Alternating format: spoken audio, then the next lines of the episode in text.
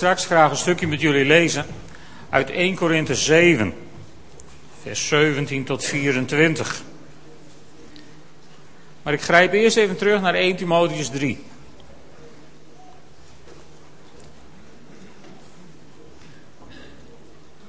Met name het eerste vers, het is een waar woord. Als iemand opziener wil worden, is dat een eerzaam streven. In de NBG-vertaling staat volgens mij als iemand staat naar het opzienersambt.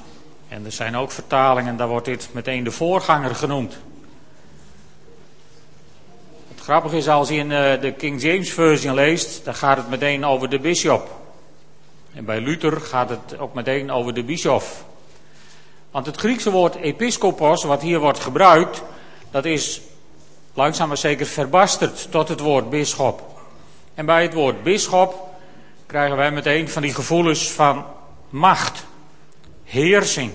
De bisschoppen werden later meer mensen die heersten over de kerk dan mensen die toezicht hielden op de kerk. Terwijl het woord wat hier in het Griek staat, het woord opziener, is eigenlijk een hele knappe vertaling, heel dicht bij wat het echt betekent. Wat is een opziener? Een opziener, dat is iemand die gewoon toezicht houdt op de gemeente en zorgt dat de gemeente blijft in het spoor van het woord van God. Dat de dingen goed lopen zoals ze moeten lopen. En vandaag de dag zou je daar volgens mij zonder enige schroom bestuurslid neer kunnen zetten.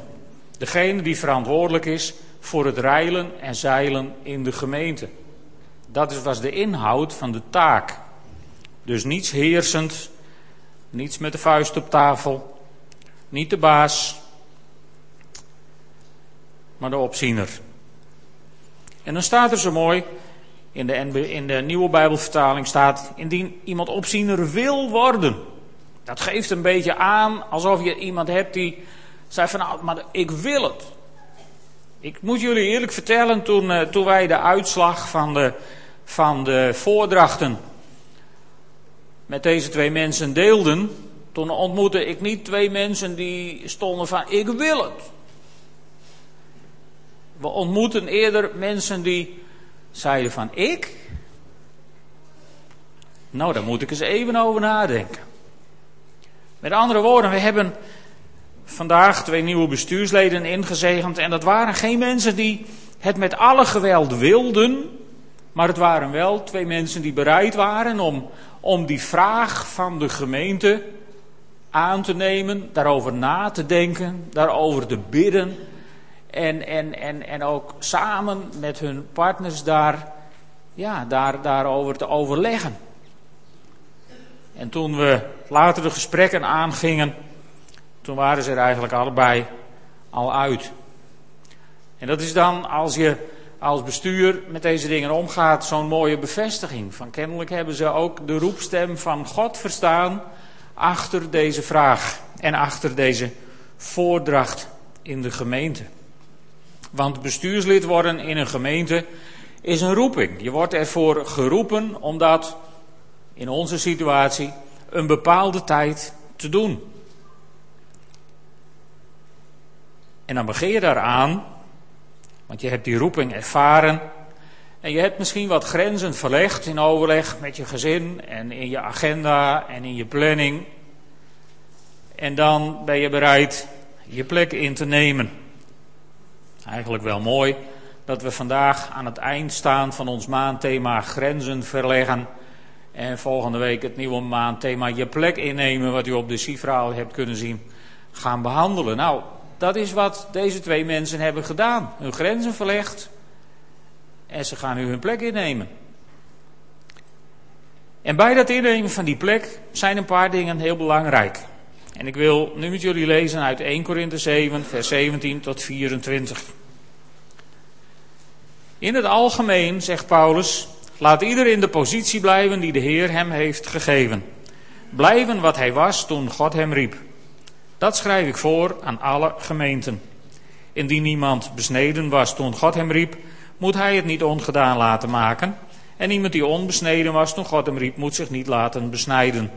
Het is volkomen onbelangrijk of men wel of niet besneden is. Belangrijk is dat men de geboden van God in acht neemt. Laat ieder blijven wat hij was toen hij geroepen werd. Wanneer u als slaaf geroepen bent, moet u dat niets kunnen schelen, hoewel u de kans om vrij te worden zeker moet benutten. Want een slaaf die door de Heer geroepen is, is een vrijgelatene van de Heer, zoals degene die als vrij man geroepen is, een slaaf van Christus is. U bent gekocht en betaald, wees dus geen slaven van mensen. Laat, broeders en zusters, ieder voor God blijven wat hij was toen hij geroepen werd.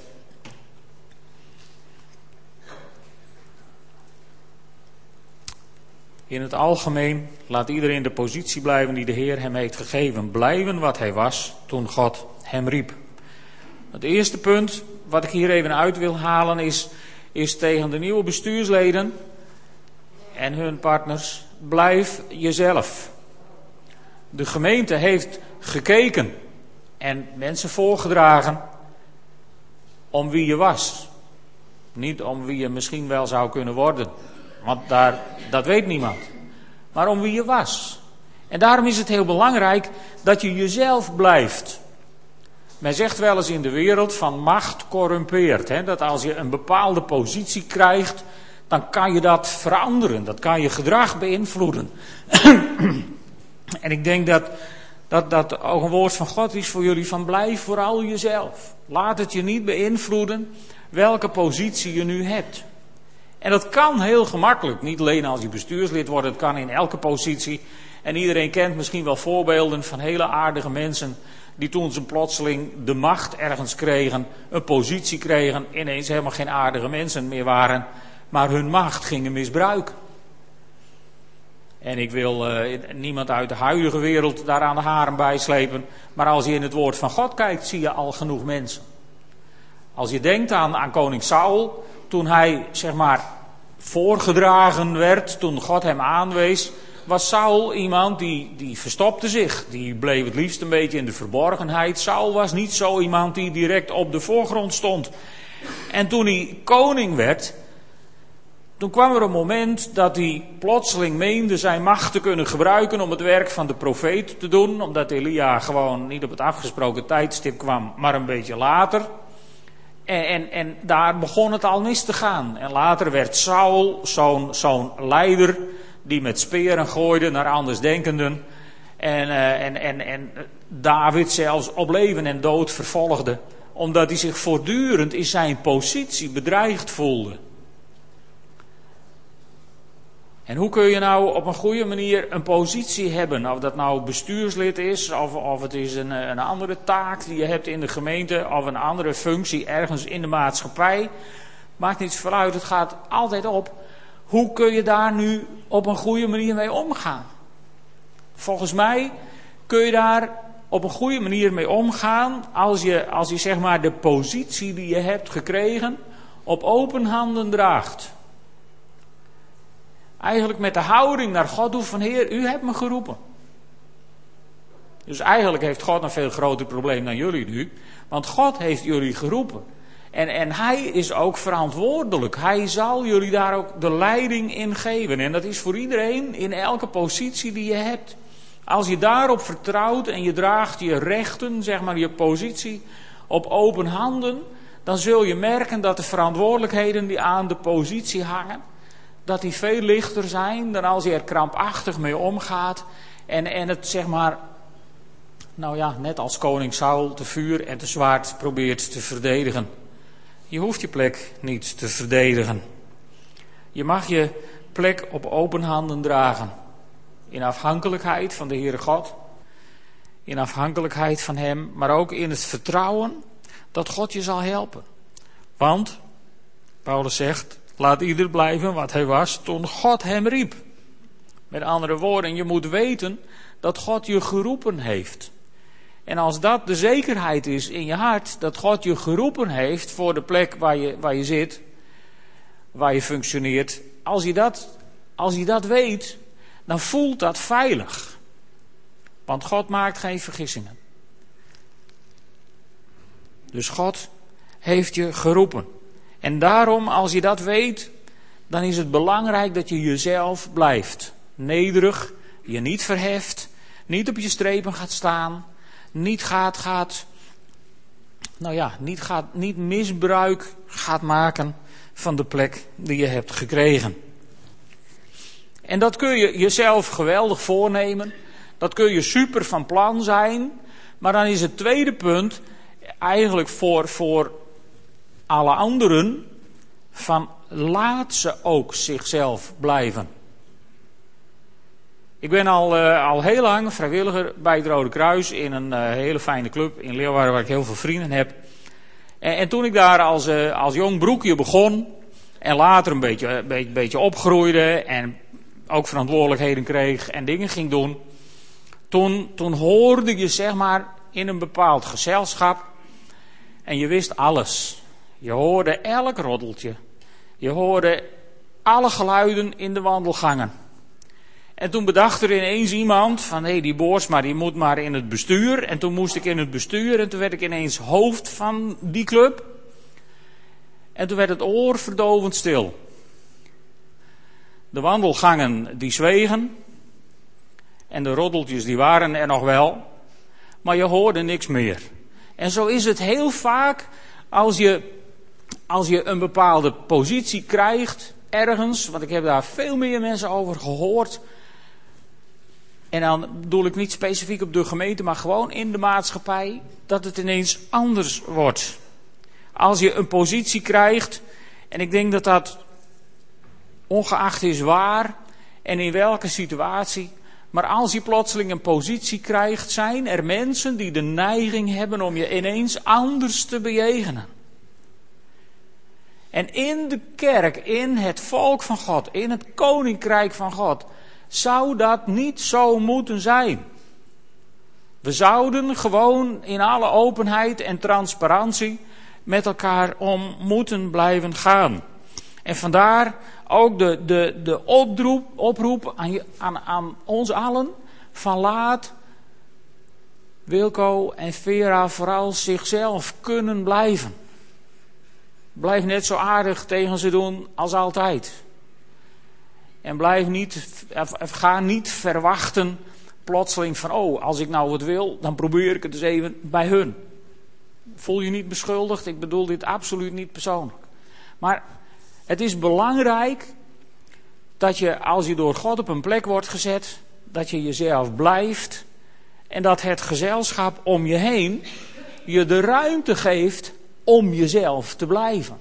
Dan moet je met elkaar aan werken. Dat is iets, iets heel belangrijks waar we als gemeente samen verantwoordelijk voor moeten willen zijn. En dan maakt het niet uit hoe het verder gaat. Want dan gaat het goed. En daarbij, als je, als je die houding hebt, dat je jezelf wilt blijven. Als je die houding hebt, dat je weet van dit is een, een roeping van God. Dit is geen verdienste van jezelf. Het is niet, niet, niet iets waar je vreselijk voor hebt moeten vechten om het te krijgen. Het is God die je heeft geroepen, die je op een plek heeft gebracht. Dan, dan mag je dat, die houding, die mag je dan ook een stukje vertrouwen geven. Dus na de roeping en de houding wil ik dan even met jullie kijken naar iets wat onontbeerlijk is in een mensenleven. Als bestuurslid, maar ook als teamleider en ook gewoon overal als, als mens heb je dat nodig. En dat is het volgende stukje wat ik onder het kopje leiding met jullie wil bespreken vanmorgen. En dat staat in Matthäus 10. Ik wil jullie een klein stukje lezen uit Matthäus 10, vers 18 tot 20. In Matthäus 10, vers 18, daar staat, daar zegt Jezus tegen zijn discipelen, jullie zullen omwille van mij worden voorgeleid aan gouverneurs en koningen en een getuigenis moeten afleggen ten overstaan van hen en de heidenen. Wanneer ze je uitleveren, vraag je dan niet bezorgd af hoe je moet spreken of wat je moet zeggen. Want wat je moet zeggen zal je op dat moment worden ingegeven. Jullie zijn het immers niet zelf die dan spreken, het is de geest van jullie vader die in jullie spreekt.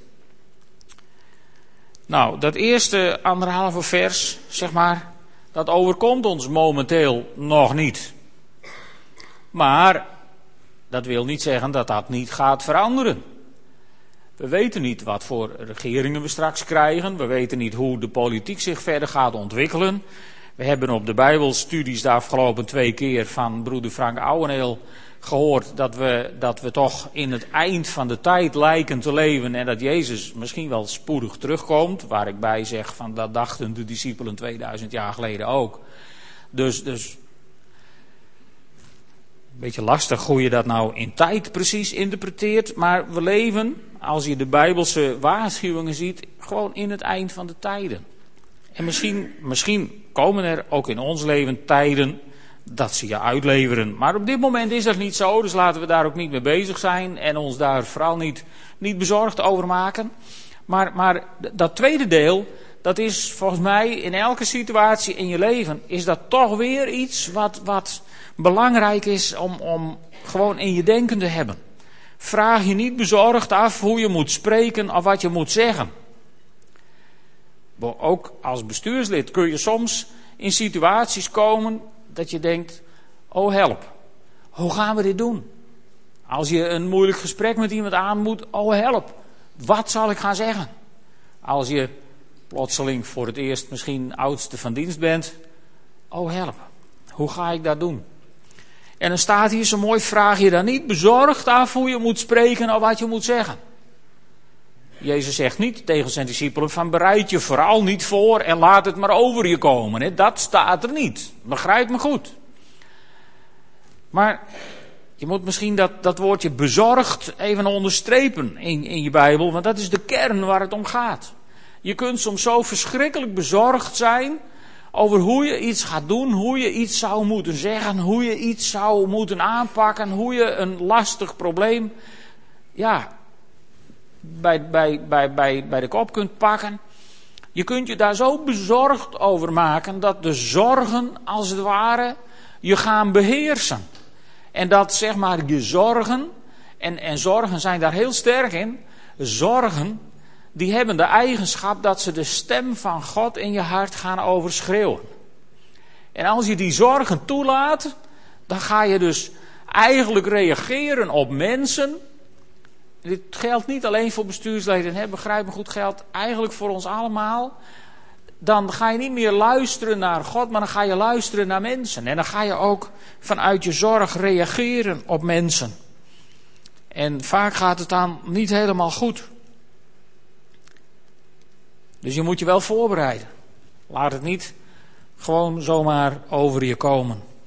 Maar wat je moet zeggen, zal je op dat moment worden ingegeven. En zo is het. Vaak geeft de Heilige Geest je de goede woorden op het goede moment. Alleen de Heilige Geest put daarbij in een mensenleven wel uit je voorbereiding. Wat heb je gelezen? Lees je elke, elke dag in het woord van God?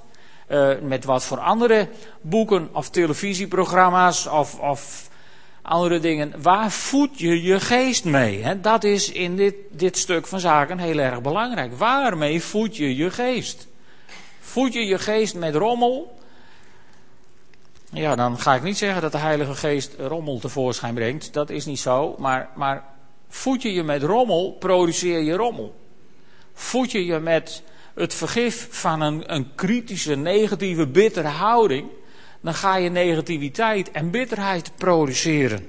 Voed je je met die liefdevolle aanwezigheid van God. Voed je je met de goede dingen uit het woord en uit je relatie met de Heer Jezus. Dan ga je die liefde van God produceren. Er komt uit wat je erin stopt. Zo is het nou een keer in de menselijke geest. En de Heilige Geest zal je op dat moment ingeven. En ik ontken daarmee niet dat de Heilige Geest je ook dingen kan ingeven die je nooit hebt gelezen en nooit hebt geweten. Het profetische aspect hierin moet je niet uit het oog verliezen, maar dat moet je ook niet tot norm verheffen. Je moet tot norm verheffen dat de Heilige Geest je dingen in herinnering kan brengen, waarmee je je geest hebt gevoed en waarmee je soms hele goede woorden kunt spreken, goede beslissingen kunt nemen en goede keuzes kunt maken. Dus vraag je niet bezorgd af, ook als nieuw bestuurslid niet, vraag je niet bezorgd af, oh help, hoe ga ik het doen? Laat die zorgen je niet beheersen. Laat die zorg over hoe het moet komen, je geestelijke oren, alsjeblieft niet verstoppen. Maar zorg dat je in, in die vertrouwende houding blijft en, en, en gaat weten dat God je helpt en dat God je leidt. Want in vers 20 staat het dan zo mooi: Jullie zijn het immers niet zelf die dan spreken. Het is de geest van jullie vader die in jullie spreekt. Het is de geest van de vader die in je spreekt.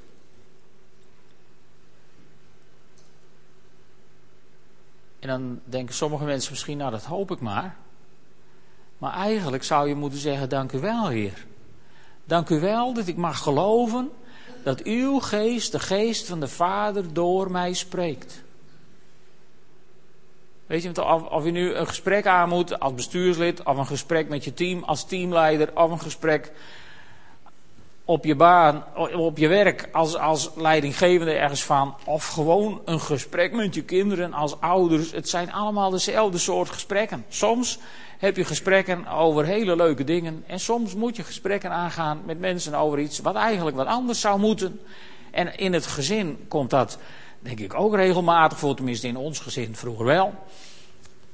En, en, en dan kun je diezelfde ideeën hebben. Hoe ga ik dit aan? Het is de geest van jullie vader die in jullie spreekt. Ik hoop dat je zo open bent voor de geest van de vader, voor de heilige geest, dat de heilige geest de ruimte heeft om in je te spreken. Dat het geen theoretisch verhaal is, maar dat het iets is wat heel praktisch is in je leven.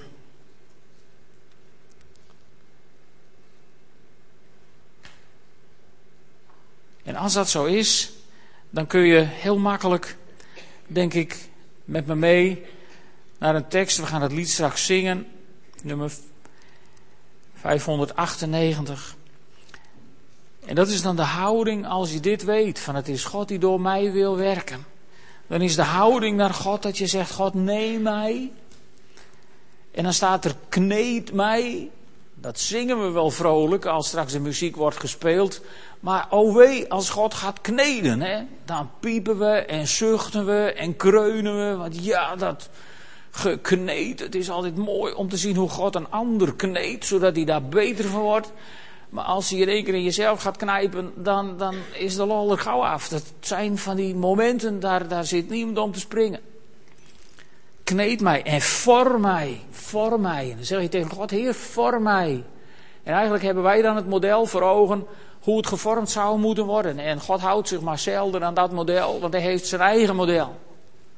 Vorm mij en vul mij. Want ik leg mijn leven in uw sterke hand. Eigenlijk zeg je, vader, ik, ik geef u een hand. En ik wil aan uw hand verder wandelen door dit leven. Op de plek waar u me hebt gezet.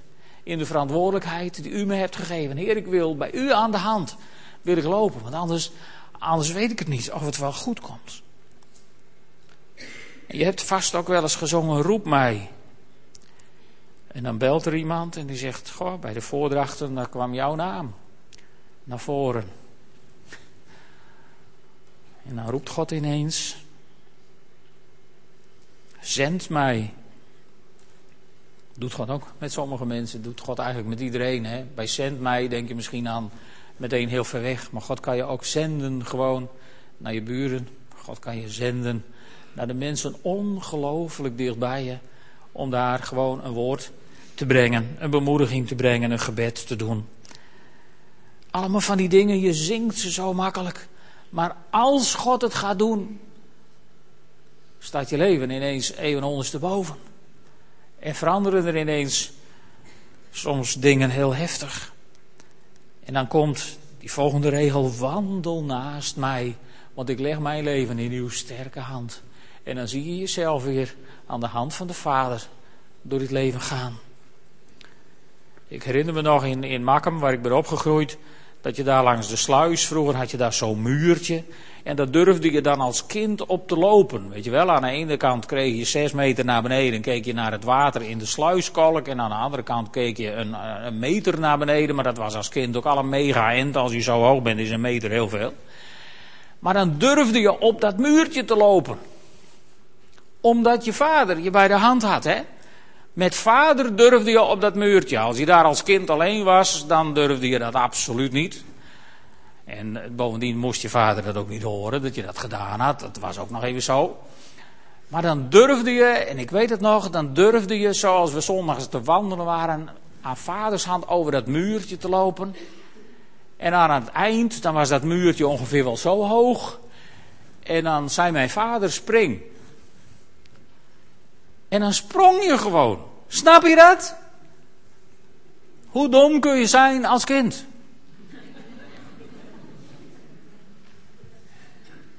Hoe dom? Nee, hoeveel vertrouwen kun je hebben als kind? Ik leg mijn leven in uw sterke hand. En als vader zegt spring, dan spring je. Yes, want je weet, vader vangt me op. En dan zie je later je kleinkinderen. En die roepen paken vang. En dan staan ze niet meer op de zesde tree van de trap, dan zijn ze al onderweg naar beneden. Om een hartverzakking van te krijgen. Maar het is wel een hoeveelheid vertrouwen die je mag hebben in je Vader in de hemel. Ik leg mijn leven in uw sterke hand. En dan kom ik terug bij de psalm waar we deze dienst mee hebben geopend. Waar David zegt, Heer, niet trots is mijn hart. Dus blijf jezelf. Niet hoogmoedig is mijn blik. Blijf jezelf. Ik zoek niet wat te groot is voor mij en te hoog gegrepen. Heb er vertrouwen in dat als God je roept voor een functie, voor een positie, voor een taak, dan weet God wat God doet. Over het algemeen is God slimmer dan wij. Ik hoop dat jullie dat met me eens zijn. Dus het is niet te groot voor je. Het is ook niet te hoog gegrepen, want dan had God jullie niet geroepen voor deze taak. En als je dat allemaal hebt overwogen, dan mag er een stuk vertrouwen in je hart ontstaan. Waardoor je, waardoor je echt met vers 2 kunt zeggen: nee, ik, ik ben stil geworden. Ik ben tot rust gekomen. Ik heb er vrede over in mijn hart gekregen. Hoe vaak hoor je dat niet van christenen als ze leiding zoeken van God? Dat mensen zeggen, ik heb, ik heb er vrede over gekregen in mijn hart. En dat is, ja, dat is een, een, een stukje van Gods leiding ervaren in je leven. Als je er vrede over in je hart hebt. Als je die vrede er niet over in je hart hebt. Maar het is, mijn ziel is onrustig, vol van zorgen. Dan moet je even goed nadenken van, hey, heb, ik, heb ik de stem van God al goed verstaan in deze kwestie? Maar als je stil bent geworden, je ziel is tot rust gekomen, ja, dan mag je erop vertrouwen dat Gods wil hierin wordt gevolgd.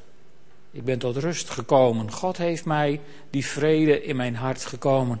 En dan voel ik mij als een kind op de arm van zijn moeder. Als een kind is mijn ziel in mij. En dat is wat ik, eh, wat, wat ik jullie ook toewens. Nu je je nieuwe positie bent, bent aangegaan.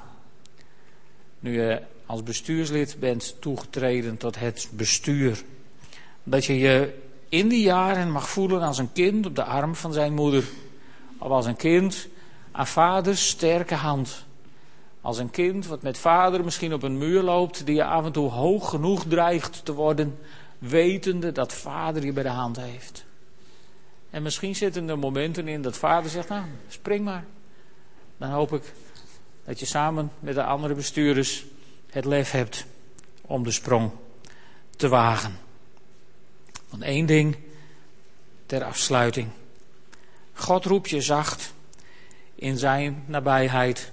En in Gods nabijheid, daar vinden we kracht. Want zijn geest omgeeft ons. En dan zingen we, leer mij, o Heer, hoe ik steeds meer leef als u. Want u riep mij, hij riep jullie, maar hij riep ook u, andere mensen hier in de zaal. Hij riep ook mij. Hij riep ons. Hij riep ons om voor hem te leven. En onze God is een God die niet met beetjes tevreden is.